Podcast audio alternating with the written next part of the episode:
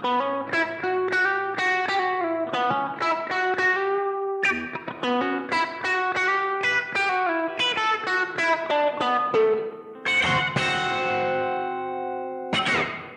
semuanya, kembali lagi di acara kita podcast Candu Investasi. Yeay, balik lagi sama aku Tonkas di konten. Iya benar banget di segmen ngobrolin emiten. Jadi di sini kita kayak biasanya ya kita mau bahas tentang emiten di Bursa Efek Indonesia. Nah kita kayaknya bakal bahas satu emiten aja yang familiar-familiar nih. Dia ini bersangkutan sama mie instan yang terkenal dan sejuta umat banget tuh. Tahu kan? Temannya anak kos. Ayo tebak teman-teman apa? Iya. Ya bener banget.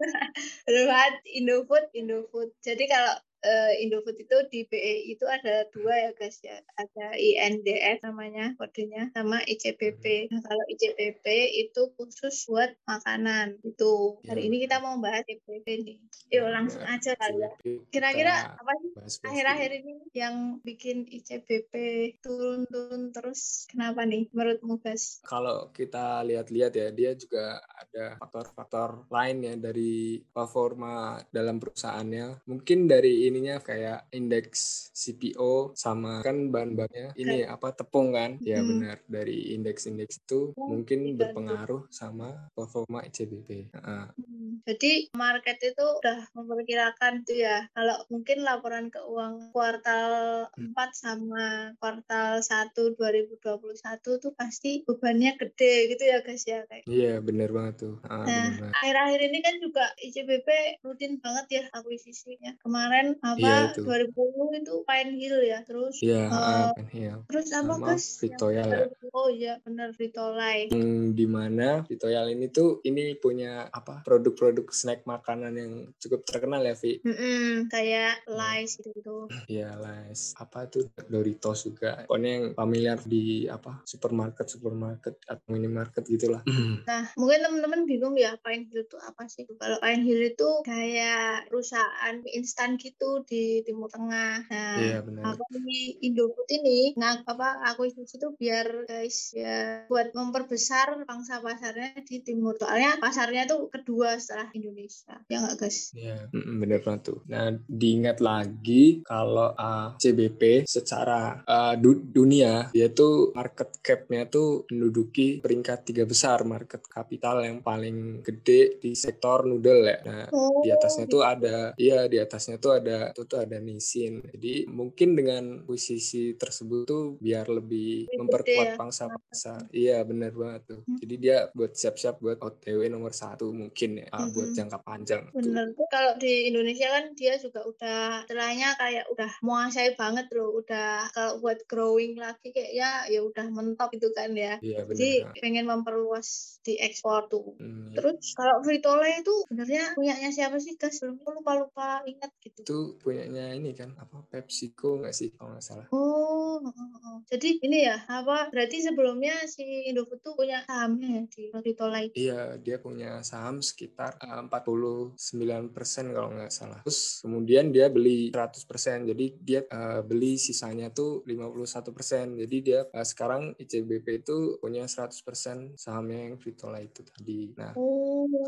kalau yang aku baca dari apa berita yang beredar ya uh, kenapa sih CBP itu pengen apa ya membeli sahamnya Victoria itu tadi. Salah satunya sih pengen memaksimalkan pengambilan keputusan gitu kan. Kan sebelumnya dipegang sama yang PepsiCo tadi kan. Jadi kayak keputusannya kayak terbatas buat si hmm. produk-produk tadi. Jadi kalau CBP uh, beli semuanya jadi kan lebih dia bisa lebih menguasai kayak semuanya gitu. Keputusan-keputusan atau kebijakan-kebijakannya kan bisa diambil guna uh, memproduksi produk yang lebih apa ya kan di pengaruh produk yang apa uh, snack itu kan masih kecil kan. Mungkin dengan adanya pembelian saham 100% dia pengen ningkatin jadi nggak nggak cuma uh, berpatok di noodle aja mungkin kayak hmm, gitu. iya sih. Tapi sih kalau aku baca-baca ya di laporan keuangannya Mm-mm. ICBP itu di mana bagian catatan catatan kaki itu kan ada nih apa segmen-segmennya kayak mie gitu terus segmen makanan ringan minuman gitu. Nah kalau eh, makanan ringan ya kalau fritola itu kan masuknya ma- makanan ringan ya berarti. Itu tuh cuma Iya. persentasenya tuh cuma 3,4 persenan gitulah dari seluruh Iya. laba bersih jadi sebenarnya kalau dibilang worth it gak worth it ya kalau menurutku sih agak kurang ya kecuali Iya. kalau kecuali kalau dengan apa akuisisi yang 100% ini mungkin pengambilan keputusan terus inovasinya jadi lebih keren lagi Iya, mungkin karena dilihat pengaruh pengaruh ke pendapatannya nggak terlalu signifikan, makanya ambil alih aja ya kali ya. Gampangannya gitu kan. Mm-mm. Terus kalau di Indofood itu sebenarnya yang apa bikin kerugian itu malah ini segmen minuman jadi kayak Domil Hmm, kan emang oh. kurang diminatin ya. Iya sih. Kalau kita eh, kembali ke yang pengaruh-pengaruh indeks tadi mungkin gimana, Vi? Kalau aku sih boleh-boleh aja, maksudnya kalau teman-teman yang dengerin ini terus pengen beli ICBP ya boleh-boleh aja karena dia kemungkinan ini pengen growing lagi gitu loh setelah dia udah mature di Indonesia, istilahnya udah dewasa gitu kan, Dan dia pengen growing ke internasional gitu, terus pengen apa memperbesar segmennya di ini pengaringan Mm-mm. Nah, tadi kan kita udah ngomongin ini ya dari sisi uh, kualitatif lah istilahnya ya. Iya benar. Sekarang kita mau ngomongin dari sisi kuantitatif nih guys. Gimana guys? Iya boleh itu. Coba eh, di breakdown satu-satu ya mungkin dari dari apa analisis fundamental perusahaan Mm-mm. ICBP ini. Mm, Nah, kalau aku lihat-lihat nih, kan pertumbuhan ekuitas ekuitas ICBP itu oh, malah lebih rendah daripada pertumbuhan liabilitasnya. Kalau liabilitas itu artinya eh, hutang ya teman-teman. Terus ekuitas itu modal. Jadi di sini malah lebih banyak eh, hutangnya karena mengingat ini kan apa kemarin dia beli penhil itu kan Agusi penhil itu pakai utang. Dia utangnya membengkak nih. Terus Iya, betul. sebenarnya kalau dari sisi pertumbuhan laba bersihnya ya dari 2011 sampai sekarang ini 2020 itu sekitar 11 persenan lah nggak salah ya gitu terus apa sebenarnya bagus sih kalau kita lihat dari apa rasio-rasionya dia cuman ya balik lagi hutangnya tuh bengkak banget gitu Iya dan itu pasti juga buat jangka panjang worth it apa enggaknya kan nanti. Nah, itu nanti tergantung nih si Indofood gimana dalam ngelakuin inovasinya berhasil atau enggak. Mm-mm. Nah, kalau dihitung dari evaluasi price earning ratio ya. Kalau teman-teman nggak tahu, price earning ratio itu kayak perbandingan antara harga dibanding sama eh, ininya laba bersih, laba bersih per lembar saham si ICBP itu. Hmm, Tuh, jadi mm, jadi ini masih sebenarnya apa ya? Udah ini sih, udah over ya kalau menurutku. Cuman karena rata-rata pernya itu juga tinggi, jadi sebenarnya sekarang ini pernya lagi di bawah rata-rata. Jadi ya boleh-boleh aja kalau mau beli. Terus apa PBV-nya juga PBV itu harga dibagi sama ekuitasnya di ekuitas per lembar sahamnya tuh. Nah itu Yap. di sini PBV-nya tuh masih di bawah rata-rata sih sebenarnya. Jadi ya oke-oke aja menurutku buat beli ICBP kalau dari sisi valuasi ya. Hmm, masih yes banget sih. Terus laba bersihnya juga cuan-cuan aja sih sejauh ini. Jadi aman lah. Oke, uh, mungkin kalau dari segi fundamental kayaknya nggak ada yang ini ya. Cuman dia uh, memberatkan di utang tadi ya, yang bikin apa? Hmm, hmm. Jadi kayak banyak gitu kan. Nah, Mm-mm. Nah kan tadi kita udah membahas-bahas ini ya fundamental ya dari aku. Nah kalau untuk teknikal nih, Hmm. kalau aku kurang kurang paham nih, mungkin Bagas bisa jelasin teknikalnya. Oke, Vi. Thank you. Nah, sekarang kita bahas teknikal dari ICBP ya. Ini sambil aku ngomong, kalian uh, pasti udah ngerti juga nanti kalau uh, punya waktu juga dilihat-lihat lagi teknikalnya kayak apa. Jadi Iya. secara Atau enggak ini ya guys, apa sambil dengerin podcast sambil buka ini grafiknya. uh, biar lebih nyata lagi kan. Nah, Mm-mm. Oke, kalau kita lihat di apa pada ICBP pada November eh, 2020 itu kalau aku lihat di peredaran itu asing tuh eh, melakukan net sell terus kepada ICBP. Jadi dari November sampai bulan Maret ini dia tuh terus mengalami penurunan. Nah, karena ICBP itu juga termasuk apa saham defensif ya. Jadi dia kalau ada